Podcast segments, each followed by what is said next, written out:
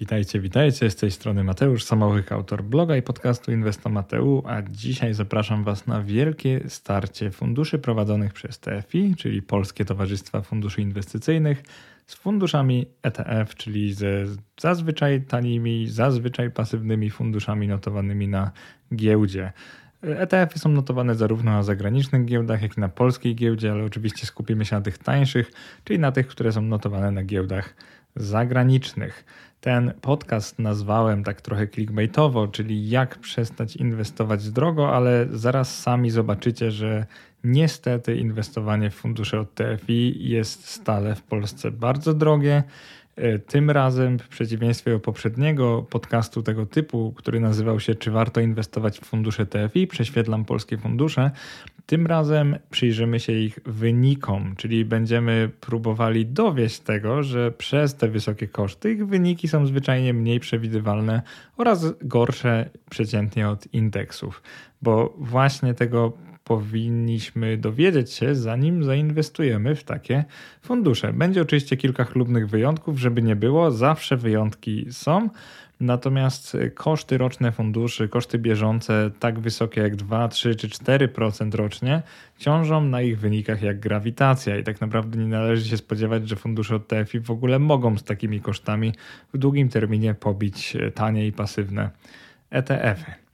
Jeżeli chodzi o ten podcast, to powstaje on w reakcji na to, że pod wpisami o TFI oraz pod wpisem o InPZU miałem bardzo wiele dyskusji od fanów tych rozwiązań i o ile zgadzam się, że inwestowanie w TFI ma swoje zalety, jedną z nich jest na przykład prostota, to, że nie trzeba mieć konta maklerskiego, to, że podatki są rozliczane za nas i to, że za każdą kwotę możemy kupić taki fundusz, na przykład 100 zł, a nie musimy mieć jakiejś odliczonej, żeby zakupić jednostki ETF-a.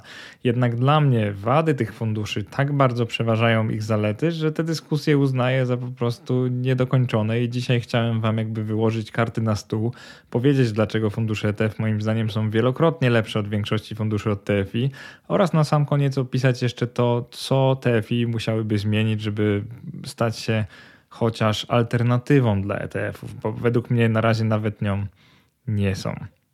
Ten krytyczny podcast zaczniemy zatem od sprawdzenia świadomości kosztowej wśród polskich inwestorów, którzy nad wyraz często wybierają inwestowanie w fundusze oferowane przez TFI. Jaki jest problem? Problemem jest nieświadomość polskich inwestorów. Przeciętny polski inwestor jest niestety bardzo mało świadomy kosztów funduszy, jeżeli inwestuje w fundusze i wyników hi historycznych, czyli bardzo łatwo jest namówić go na inwestycje w dany fundusz. Często przywołuje się wyniki z kilku miesięcy, nie mówi nic o kosztach i wtedy już mamy kolejnego klienta, który swoje kilkanaście, kilkadziesiąt tysięcy złotych ulokował w fundusz od TFI. Jak podaje w swoich comiesięcznych raportach IZFIA, czyli Izba Zarządzających Funduszami i Aktywami w Polsce, Polacy trzymają w funduszach aktywnych prowadzonych przez TFI bardzo dużą część swoich środków. Co to znaczy bardzo duża część? To jest konkretnie w listopadzie 2021 to było 302 miliardy złotych, w listopadzie 2022 to już było mniej 266 miliardów złotych, ale ta zmiana wynika nie z tego, że Polacy wycofywali te aktywa, tylko raczej z tego, że no, akcje spółek giełdowych taniały, obligacje w większości taniały, więc te fundusze straciły na wartości, jeżeli chodzi o aktywa. Natomiast to, co ulega zmianie, degradacji dokładnie, to jest liczba funduszy. Rok temu mieliśmy 888, w listopadzie 2022 mieliśmy już 850, także gdzieś ten trend zwijania się funduszy widać chociażby po tym, że jest obniżana z roku na rok ich liczba. Pewnie pamiętacie podcast Ile osób ma IKE lub IGZE. Jeżeli nie, to on był wydany w roku 2022. Mówiłem tam o tym, ile osób posiada konta IKE i IGZE w formie TFI, a ile w formie maklerskiej i przypomnę Wam tylko, że pięciokrotnie większa liczba osób w Polsce posiada IKE i IGZE w formie TFI niż w formie maklerskiej. I oczywiście forma maklerska to jest wymóg do tego, żeby móc inwestować w tanie i pasywne ETF-y. Nadzieję rodzi jednak wynik badania OBI, czyli Ogólnopolskiego Badania Inwestorów, które było przeprowadzone w roku 2022 przez Stowarzyszenie Inwestorów Indywidualnych. Zgodnie z tym badaniem coraz więcej inwestorów wybiera tanie ETF-y, a TFI pozostają w stagnacji. I liczby nie kłamią, mówiąc, że mniej więcej 20% ankietowanych inwestuje w TFI, a w ETF-y kilka lat temu było to 9%, teraz jest to już praktycznie 40%. Oczywiście pamiętajcie o tym, że to badanie zostało przeprowadzone na niewielkiej grupie, bo tylko 4137 inwestorów, którzy według mnie są ponadprzeciętnie dobrze poinformowani, bo nawet jeżeli mają świadomość, że istnieje coś takiego jak Stowarzyszenie Inwestorów Indywidualnych, to już świadczy o tym, że interesują się inwestowaniem, więc wśród takich osób, jak widać, ETF są bardziej popularne niż jednostki funduszy TFI, ale po prostu i tak nie zmienia to faktu, że mają one dużo więcej klientów niż domy maklerskie w Polsce. Nie zrozumcie mnie źle, ponieważ nie jestem ekstremistą w mojej opozycji do TFI. Natomiast to, co one wyrabiają, to, czego dowiodę w tym wpisie i naprawdę postaram się zachować obiektywność. Wszelkie materiały to są materiały pochodzące z analizy.pl i bezpośrednio od emitentów prowadzących te fundusze, y, więc zrobię tak, że pochwalę je za to, za co pochwalone zostać powinny, bo są chlubne wyjątki, natomiast y, skrytykuję je bardzo wprost za to, za co należy im się krytyka. Zacznijmy od amerykańskich akcji. Jak wypadają TFI inwestujące w amerykańskie akcje. Wszystkie dane będą pochodziły z portalu analizy.pl, który jest dla polskich funduszy TFI tym, czym justetf.com dla europejskich ETF-ów, czyli jednym miejscem, w którym dość prosto można przefiltrować sobie wszystkie dostępne fundusze, porównując wybrane ich parametry. I jedyne zastrzeżenie, które mógłbym mieć dla twórców portalu analizy.pl to to, że żyją trochę w swojej bańce informacyjnej i prezentują tylko świat funduszy aktywnych bez przyglądania się także znacznie tańszym zagranicznym ETF-om, które co prawda da się znaleźć w tym interfejsie, ale no nie ma tam wszystkich potrzebnych informacji, dlatego wygląda to trochę tak, że użytkownik, który szuka funduszu na akcje amerykańskie znajdzie tylko TFI, bo siłą rzeczy tam tak działa wyszukiwarka akurat. Sugerował więc poszerzenie, sugerowałbym poszerzenie horyzontu, bo wtedy to by oznaczało, że nie tylko jesteście portalem, który umożliwia wybór i pośredniczenie w zakupie funduszu TFI, ale też umożliwia porównanie inwestorowi, który chce być bardziej świadomy i chce widzieć, jakie są koszty wobec na przykład zagranicznej konkurencji. Zacznijmy właśnie od takiego porównania, czyli weźmy kilka funduszy TFI, które inwestują w akcje amerykańskie, kontra największy ETF świata, czyli tak zwany SPDR, e, ticker SPYQS, SPDR S&P 500 ETF Trust i przyjrzyjmy się ich parametrom. I na samym początku powiem, że wyniki wszystkich funduszy porównuję w tak, jakbyśmy inwestowali w walucie oryginalnej, więc można je ze sobą obiektywnie zestawić w proporcji 1 do 1, nawet pomimo faktu, że większość polskich funduszy ma tak zwany hedge walutowy, czyli zabezpieczenie do PLN, to ja przedstawiam wyniki w walutach oryginalnych, czyli ETF y, Spider da się porównać jeden do jednego do funduszy od TFI, więc od razu zastrzegam, że nie, nie przeliczam waluty na polski, wtedy SPDR jeszcze bardziej by wygrywał, ale to było nieobiektywne. Sprawdzamy wyniki samych funduszy, a nie kur zmiany kursów walutowych. Przedmiotem porównania jest 8 funduszy aktywnych prowadzonych przez 8 różnych TFI o profilu akcji amerykańskich. Najtańsze wśród polskich funduszy na akcje amerykańskie IN, PZU, akcje amerykańskie i PKO akcje rynku amerykańskiego kosztują ponad dziewięciokrotnie więcej od wspomnianego ETF-a, pokazując już na samym początku skalę problemu z kosztami polskich funduszy inwestycyjnych. Najdroższe fundusze w tej kategorii kosztują nawet 3,30% rocznie, bo tyle wynoszą ich łączne opłaty bieżące, czyli roczne tak jakby TER dla ETF-a. Taka opłata jest bardzo rzadko spotykana wśród zagranicznych funduszy aktywnych, czyli tych tradycyjnych mutual funds, nie mówiąc już o nawet stokrotnie tańszych zagranicznych funduszach pasywnych oraz w tym ETF-ach. Porównane Dziś fundusze od TFI są w większości, bo 5 na 8 oparte o inne fundusze, czyli mają w swoich portfelach ETF-y i jednostki innych funduszy, a w mniejszości, bo tylko 3 na 8 funduszy bezpośrednio kupują one akcje amerykańskich spółek. Co może jest światowym standardem to takie kupowanie funduszy, ponieważ są tak zwane fundusze funduszy, funds of funds, one ponoszą też ukryte koszty drugiego poziomu, czyli mamy i koszty funduszu, i koszty jego składowych, co sprawia, że taki na przykład oparty na innych funduszach Santander Prestige akcji amerykańskich zamiast deklarowanych 3,30% rocznie, co już jest wysoką opłatą, może naprawdę kosztować nawet 4% rocznie, zakładając, że fundusze pod spodem kosztują ponad 0,6% w ciągu roku. Wspomniane 8 funduszy porównaliśmy z największym ETF-em świata, który zgromadził dotychczas ponad 400 miliardów dolarów aktywów, a więc ponad y, no, na złote to już są liczby absurdalne, bo to już bilion, ponad prawie 2 biliony złotych aktywów. Y, tak dużo, że nawet nie warto tej liczby wpisywać w tabelę. Po największych polskich funduszach na akcje amerykańskie możemy spodziewać się maksymalnie kilkuset milionów złotych aktywów, co i tak jest wartością dość wysoką. Gorzej z wynikami tych funduszy, bo w ciągu 4 lat, czyli w latach 2018-2021, ETF e, Spider, czyli SPY, osiągnął łącznie 90,8% zwrotu, a najlepszy z funduszy od TFI w tej kategorii, czyli Unika akcji amerykańskich, o 8 punktów procentowych mniej, do, czyli dokładnie 82,4%. Nie chcę nawet wspominać teraz o najgorszym z funduszy, który w ciągu tych 4 lat ledwo co wyszedł na plus, do czego zresztą zaraz dojdziemy, ale przyjrzyjmy się najpierw najlepszym lepszemu funduszowi od TFI, próbując poszukać źródła jego sukcesu, jeżeli oczywiście przegraną z indeksem tak bardzo w ciągu 4 lat możemy nazwać sukcesem. Mowa tu o unika akcji amerykańskich. Czym on się charakteryzuje? Przede wszystkim obciążenie kosztowe to 1,81% rocznie, czyli dalej dużo, ale nie ekstremalnie dużo. Jeżeli teraz sprawdzicie koszty zarządzania, zobaczycie, że są niższe, to pamiętajcie, że ja porównuję opłaty bieżące, czyli to, co znajdziecie w dokumentach KIID, a nie opłaty same za zarządzanie, które są tylko jedną ze składowych takich opłat. Y, fundusz od Unika, czyli Unika Akcji Amerykańskich, y, przegrał dość mocno z ETF-em, ale inne fundusze przegrały bardziej. Sekretem jest w tym przypadku oparcie funduszy o kilka innych tanich funduszy wspólnych, oraz ETF-ów, które same w sobie mają niskie różnice wzorowania i dobrze naśladują indeks. Można więc domniemywać, że gdyby fundusz Unika akcji amerykańskich obniżył opłaty roczne, na przykład do 1%, to jego wyniki zbliżyłyby się do, w przyszłości do indeksu S&P 500. No i właśnie to powinien zrobić, jeżeli chciałby być uznawany na przykład przeze mnie przez, jako e, alternatywę dla tego ETF-a. Czy zatem mamy się z czego cieszyć? No na pewno lepiej posiadać jednostki funduszu, który kupuje inne fundusze, a te są tanie w utrzymaniu, ale czy na pewno warto płacić za to 1,80% rocznie, jeżeli mamy dostępne ETF-y, które są, no, jeżeli chodzi o ten indeks, to nawet yy, tak szybko licząc, 50-krotnie tańsze.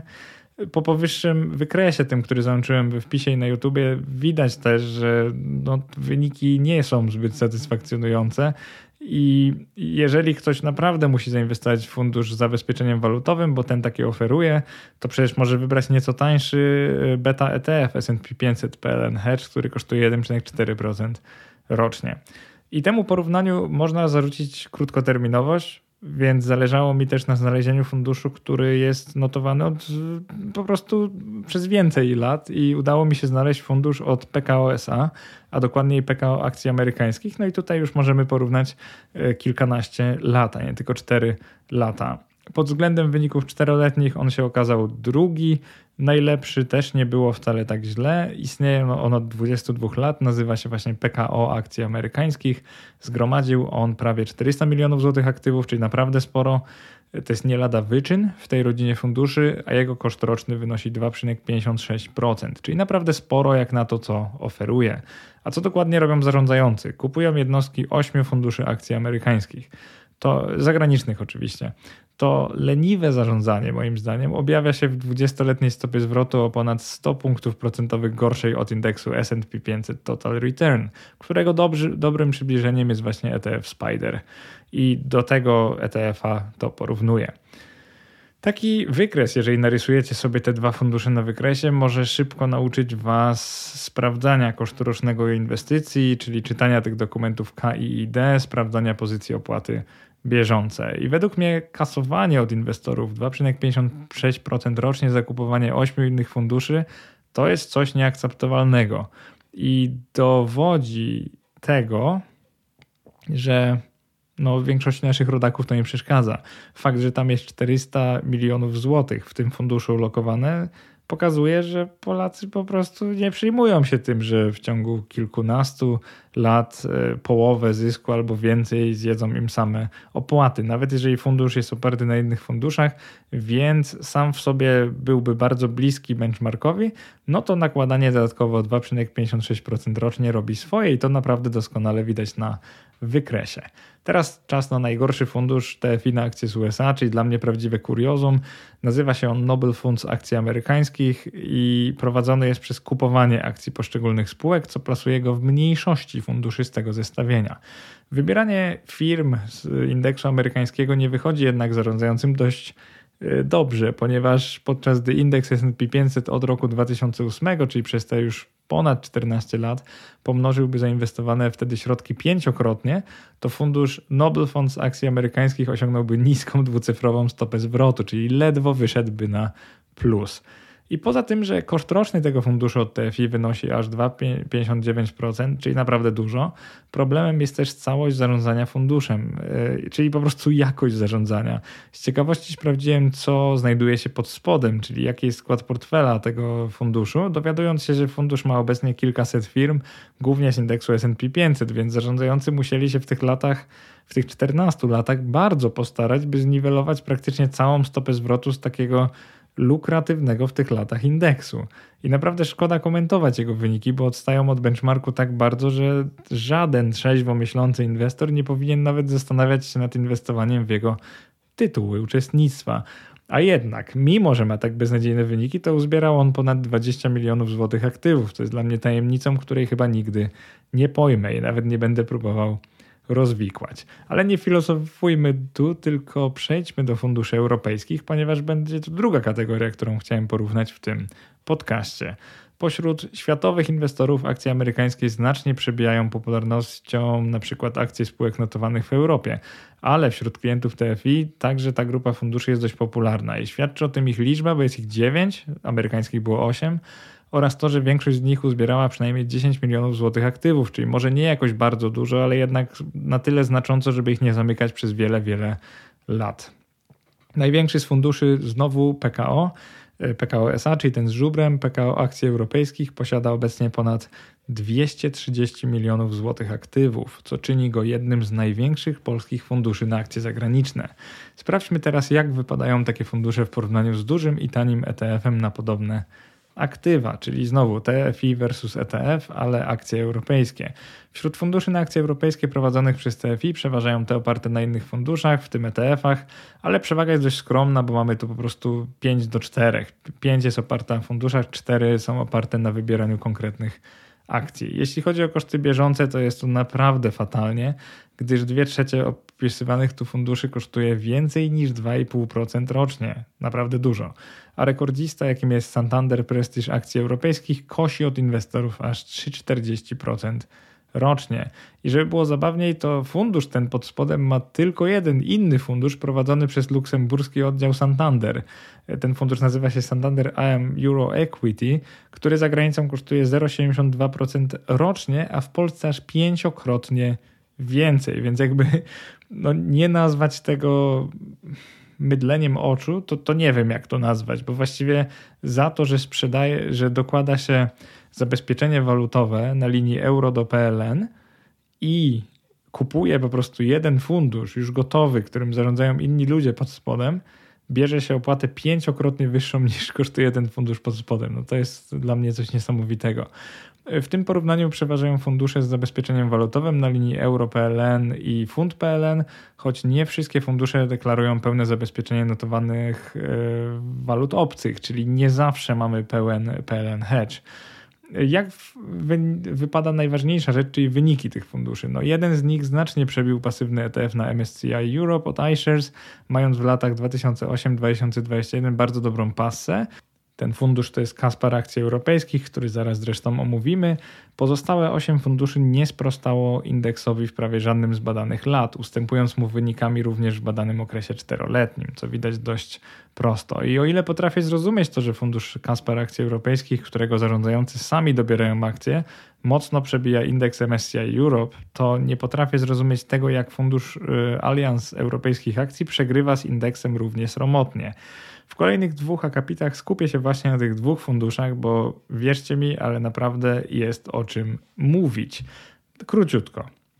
Najlepszy fundusz TFI na akcje europejskie, Kaspar Akcje Europejskie. Gdybyśmy sprawdzili tylko lata 2018-2021, no to był to fundusz, który bardzo mocno pobijał szeroki indeks spółek europejskich, czyli MSCI Europe ale jego pasa przerwana została w roku 2022, który tutaj na wykresie też zawieram.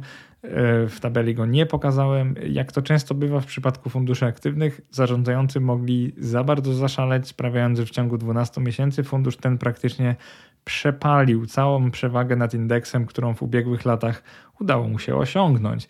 I wygląda to naprawdę kuriozalnie, bo fundusz ten świetnie sobie radził w ostatnich e, no, łącznie 6 latach, natomiast teraz zrównał się z indeksem MSCI Europe, który dodatkowo jest dużo mniej zmienny od niego. I jak spojrzymy pod maskę tym funduszom, bo zastanówmy się skąd to się bierze, to zobaczymy, że Kaspar dość aktywnie dobiera spółki, ma ich w składzie około 40 i dla porównania ETF iShares MSCI Europe Ticker to jest na przykład eunk.de. Posiada w tej chwili ponad 1000 spółek, dzięki czemu jest znacznie mniej zmienny i, i znacznie lepiej zdywersyfikowany od aktywnego funduszu spod znaku Kaspar E, asset Management. Najgorsze z tym funduszem jest to, że on jest też drogi, bo kosztuje 3,10% rocznie, więc jeżeli zarządzający znowu nie będą mieli złotej pasy jak w latach 2020 i 2021, to może się okazać, że te koszty roczne zrobią swoje i po prostu zjedzą wszelką nadwyżkę, jaką uda mu się osiągnąć w przyszłości. Także ten wykres pięknie pokazuje, z czym mamy do czynienia, jak inwestujemy w fundusze aktywne i pokazuje to, że nawet jak mają przewagę nad indeksem, to często nie są w stanie jej wcale tak długo utrzymać. Natomiast jeżeli chodzi o najgorszy fundusz na e, TFI na akcje europejskie, no to tu jest już kompletne kuriozum, ponieważ fundusz Alians Europejskich Akcji jest funduszem funduszy, nie mam pojęcia, jak, jak przez to jest tak bardzo pod indeksem, ale on traci przez te wszystkie lata około minus 20%, podczas gdy MSCI Euro przez 10 lat wyszedł 100% do przodu. Więc ten TFI wygląda, ten fundusz od TFI wygląda naprawdę blado. Na pewno jego wynikom nie pomaga ta grawitacja kosztowa, czyli to, że kosztuje on 2,55% rocznie i on zapewnie zapewne był wiele wyższy w przeszłości, a zwłaszcza przed 2019 rokiem, kiedy fundusze mogły inkasować nawet 3,5% i więcej za samo zarządzanie. Dziś ta opłata nie może przekraczać 2% rocznie, ale łączna opłata funduszu oczywiście może wynosić bezproblemowo 3 lub 4%, czyli tyle wynosi ich TER, Total Expense Ratio. Dla osób mniej świadomych kosztów zostawię tu jeszcze jedną prostą informację. Fundusz, który pobiera 2,55% rocznie w okresie 10-letnim porze prawie 30% całej naszej inwestycji, nie tylko zysku, całej kwoty, którą byśmy mieli znacząco obniżając naszą stopę zwrotu wobec tańszych alternatyw w postaci np. funduszy pasywnych. I podsumowując ten podcast, chciałbym teraz krótko wymienić główne problemy polskich TFI, sugerując to, co powinno się w tej branży zmienić, by stała się ona bardziej prokliencka, nowoczesna i otwarta na świadomych inwestorów, a nie tylko nieświadome owieczki, które nie wiedzą tego, co robią. Jeżeli pomyślisz sobie, że krytykuję tę branżę jako amator, a tam siedzą profesjonaliści, ponieważ ja nie mam nawet tytułu naukowego z ekonomii, nie mam papierów doradcy inwestycyjnego i pewnie nie będę nigdy miał, bo jakoś nie jest to moją ambicją. Myślę, że jako osoba bardzo często pisząca i nagrywająca o inwestowaniu pasywnym, ale też osoba bardzo dobrze zaznajomiona z ofertą ETF-ów, zarówno amerykańskich, jak i europejskich, i jako bloger finansowy jestem mimo wszystko wystarczająco poinformowany, by dokonać dość przykrej, ale szczerej krytyki polskiej branży funduszy inwestycyjnych, wytykając im to, co moim zdaniem nie przystaje do zachodnich standardów inwestycyjnych. I pierwszym grzeszkiem funduszy od TFI jest utrudniające analizę ich przeszłych wyników zmienianie profilu inwestycyjnego. Choć jest to spotykane także poza granicami naszego kraju, więc nie jest to polski fenomen, to mam wrażenie, że wśród polskich TFI jest to coraz częstszy proceder. I chodzi tutaj o zmianę profilu inwestycji funduszy, ale już po jego utworzeniu. Czyli gdy zgromadził on już określone aktywa, działa na rynku czasem nawet od wielu lat, i nagle zmienia się jego profil. I wspomniana zmiana profilu to z pozoru nic złego, ale w praktyce zacienia obraz historii funduszu, sprawiając, że analiza jego wyników staje się, przynajmniej dla mnie, bardzo trudna, jeżeli nie w ogóle niemożliwa. I na 17 opisanych w tym wpisie i w podcaście funduszy prowadzonych przez TFI aż cztery zmieniły i to zasadniczo zmieniły profil swojej działalności w okresie notowań. I dam Wam kilka przykładów. W grudniu 2019 Fundusz Generali Akcji Amerykańskich przekwalifikował się z inwestowania z akcji z rynków rozwiniętych w akcje z samego USA. I to może nie jest wielka zmiana, bo jak wiadomo, USA stanowi większość rynków rozwiniętych, ale jednak to zmiana jest, więc nie mogę porównać jego historii sprzed roku 2019. Drugi przykład. W październiku 2015 Fundusz Kaspar Akcji Europejskich zmienił profil inwestycyjny z inwestowania w akcje firm z europejskich rynków wschodzących na inwestowanie w szeroki rynek europejskich akcji. No i jak widać od tego czasu osiągał lepsze wyniki, ale mimo wszystko ciężko się porównuje jego wykres sprzed tego okresu, bo inwestował on coś innego niż MSCI Europe. Kolejny przykład. W lipcu 2017 Fundusz Alians Europejskich Akcji przekwalifikował się z inwestowania w akcje europejskie, y, ale wcześniej inwestował tylko w europejskie rynki wschodzące, czyli podobnie jak Kaspar. Następnie w styczniu 2020 Fundusz Generali Akcji Europejskich zmienił profil inwestycyjny z akcji z sektora zdrowia i biotechnologii na szerokie rynki akcji europejskich. To jest w ogóle ciekawostka, bo ta zmiana profilu jest bardzo, bardzo zasadnicza. I powoduje to, że nie można porównywać historycznych wyników tego funduszu do czegokolwiek, bo miał on inny profil, inwestował w inne rzeczy. Więc moim zdaniem powinno się regulacyjnie zrobić taką zmianę, że fundusz w czasie życia nie może zmieniać profilu, można po prostu zamknąć fundusz i otworzyć nowy, bo to by było uczciwsze dla inwestorów. Druga rzecz, która bardzo mi przeszkadza w polskich TFI, funduszach od TFI, to jest brak benchmarku. Jestem inwestorem wychowanym na zagranicznej literaturze inwestycyjnej i za prawdziwe kuriozum uważam to, że w Polsce można prowadzić fundusz inwestycyjny nie deklarując tego, co jest jego benchmarkiem, czyli indeksem wzorcowym, indeksem, do którego będziemy porównywać jego przyszłe wyniki. W zestawieniu funduszy amerykańskich w tym wpisie aż trzy nie mają żadnego benchmarku, a jedynie trzy dążą do stopy zwrotu z inwestycji w 100% w akcje.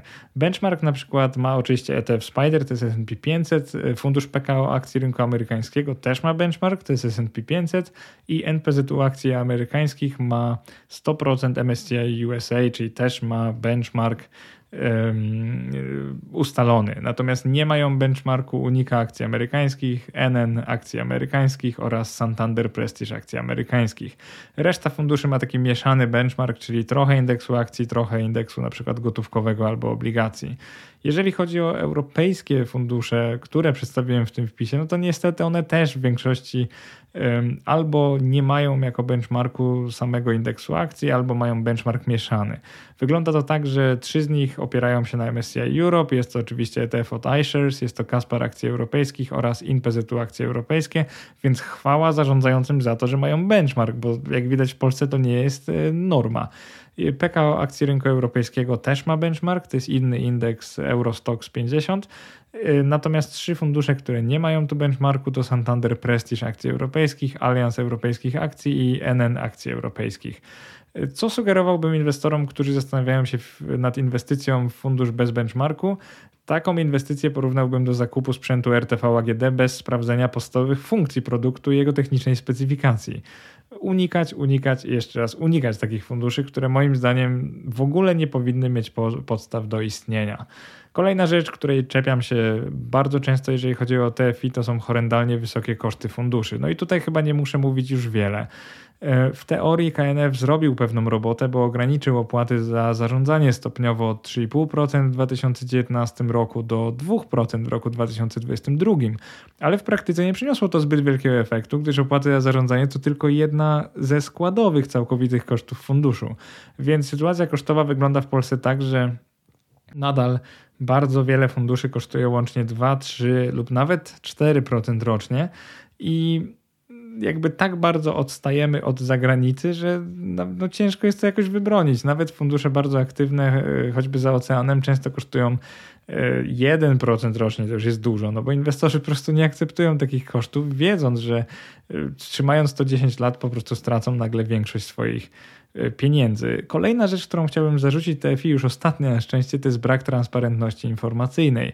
I to jest według mnie największy grzech funduszy prowadzonych przez TFI, czyli takie promowanie kiepskiej polityki informacyjnej, której symptomami są następujące rzeczy. Na przykład takie naciąganie klientów na swoje fundusze. Nie podając ich kosztów rocznych w taki jasny sposób, e, nie porównując ich do tańszych alternatyw, mówią tylko o funduszu i prezentują wyniki w okresie, który pasuje im, żeby powiedzieć, że były one dodatnie. I właśnie druga rzecz, prezentowanie wyników inwestycyjnych funduszy w krótkim terminie, często kilkumiesięcznym.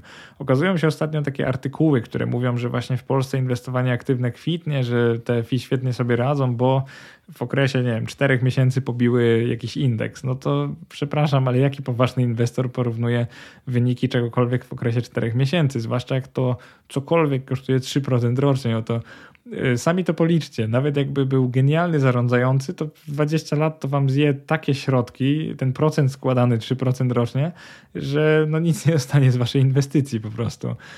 E, kolejna rzecz to to, że te fundusze się mocno promują, czyli dużą część środków przeznaczają na promocję.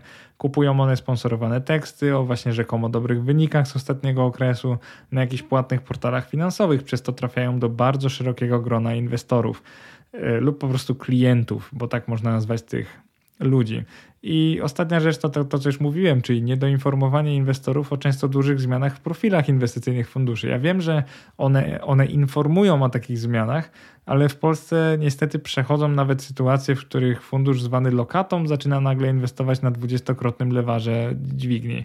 I nie mówię, że ten fundusz nie będzie sobie radził dobrze, jeżeli rentowność polskich obligacji będzie spadać, bo będzie sobie radził dobrze, no ale jakby nie przystoi y, takiego czegoś robić y, zarządzającym funduszu, który w nazwie ma lokata. I jeśli w powyższych kwestiach branża TFI się nie ucywilizuje, jeżeli dalej będzie się unusić dumą, puszyć i udawać, że nie słyszy słów krytyki, no to będziemy dalej bardzo dalecy zachodu, a ja z kolei będę bardzo daleko promowania takich funduszy, bo Naprawdę doceniam na przykład to, że PZU stworzyło rodzinę tańszych i bardziej pasywnych funduszy InPZU oraz to, że PKO BP obniżyło koszty roczne do przeciętnie 1-1,2%, ale moim zdaniem to dalej za mało, by przybliżyć polską branżę TFI do branży zachodniej albo branży zachodnich. I ten gorzki, ale szczery wpis chciałbym podsumować takimi słowami, że no myślę, że w tej chwili mamy zamkniętą dyskusję o sensie inwestowania w TFI. Wraz z moimi korespondentami blogowymi, czyli takimi stałymi czytelnikami, y, z którymi wymieniam korespondencję bardzo często, zastanawiamy się praktycznie co tydzień, czy wśród broniących TFI w komentarzach znajdują się wyłącznie pracownicy takich instytucji. I niezależnie od tego, kim są fani i zwolennicy TFI, chciałbym raz jeszcze przyznać, że nie rozumiem fascynacji tymi funduszami. Są one mało transparentne, drogie i rzadko kiedy zachwycają one polityką lub po prostu jakością strategii inwestycyjnych. Uważam, że ludzie inwestują w takie fundusze dlatego, że branża jest bardzo rozbudowana, ma silny marketing i tego marketingu zupełnie nie mają tańsze, niemal darmowe fundusze ETF, bo po prostu go nie potrzebują, bo są tanie, więc świadomy inwestor i tak to y, kupi. Jedną z rzeczy, z których jestem najbardziej dumny, jest właśnie edukowanie w zakresie tanich funduszy pasywnych, które w długim terminie uratują połowę lub więcej Twojej potencjalnej stopy zwrotu. I prowadzącym TFI w Polsce życzę na przyszłość dużo uczciwości w przyszłej działalności, bez której próżno będzie szukać sojuszników wśród niezależnych blogerów, do których należę. I takimi słowami chciałbym zakończyć ten podcast. Mam nadzieję, że było interesujący, że nie był on zbyt krytyczny, bo przecież wymieniłem kilka zalet TFI i chwaliłem te, które jest za co chwalić, albo było za co chwalić. Raz jeszcze mam nadzieję, że Wam się podobało i co do usłyszenia w kolejnym podcaście. Mam nadzieję równie ciekawym. Trzymajcie się, cześć.